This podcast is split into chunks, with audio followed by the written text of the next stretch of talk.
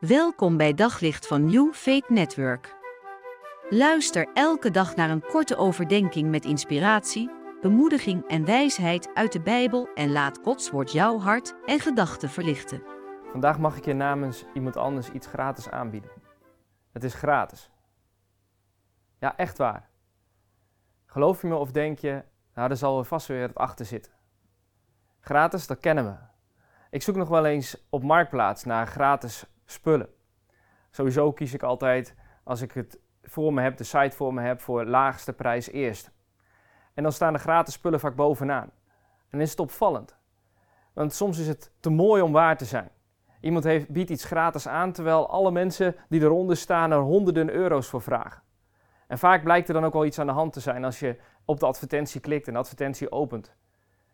Het blijkt dat je toch niet met iets gratis te maken hebt, want ineens staat de vraagprijs gewoon in de tekst van de advertentie. Of je krijgt het alleen gratis als je er ook iets anders bij koopt.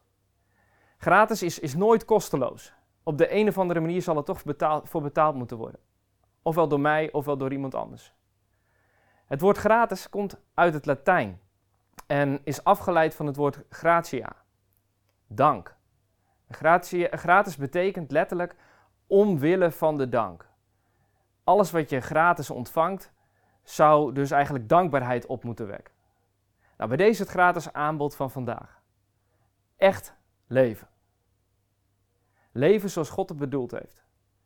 Paulus heeft op papier gezet hoe dat aanbod in elkaar zit. In Romeinen 3, vers 24. Allen worden gratis door zijn genade gerechtvaardigd. Bewust lees ik het in de Willibrord vertaling. Want daar wordt het woord gratis gebruikt. De nieuwe Bijbelvertaling heeft het over genade die niets kost. Het kost niets. En dat, dat maak je misschien achterdochtig. Nou, heel goed. Want het kost wel wat en niet weinig ook.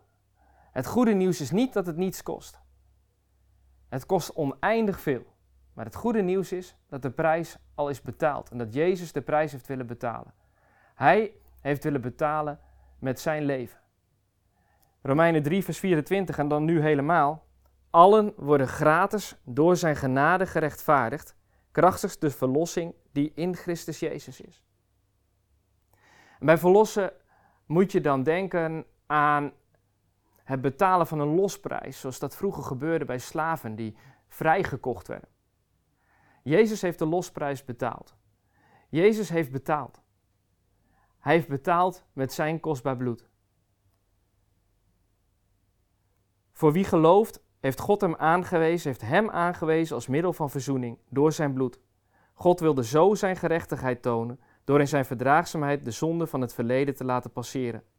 Hij heeft zijn gerechtigheid nu willen tonen in onze tijd, opdat zou blijken dat hij zelf rechtvaardig is, door ieder rechtvaardig te maken die leeft vanuit het geloof in Jezus. Je krijgt een geschenk aangeboden, omwille van de dank. Gefeliciteerd, je mag het echte leven gratis in ontvangst nemen. En word je daar dankbaar van of word je daar flauw van? Als je er flauw van wordt, zegt dat dan iets over jou of over het aanbod? Is er iets groters dan dat ik je vandaag had kunnen aanbieden? Op zoek naar nog meer geloof, hoop en liefde. Op New Network vind je honderden christelijke films, series en programma's. Nog geen lid? Probeer het 14 dagen gratis op newfaithnetwork.nl.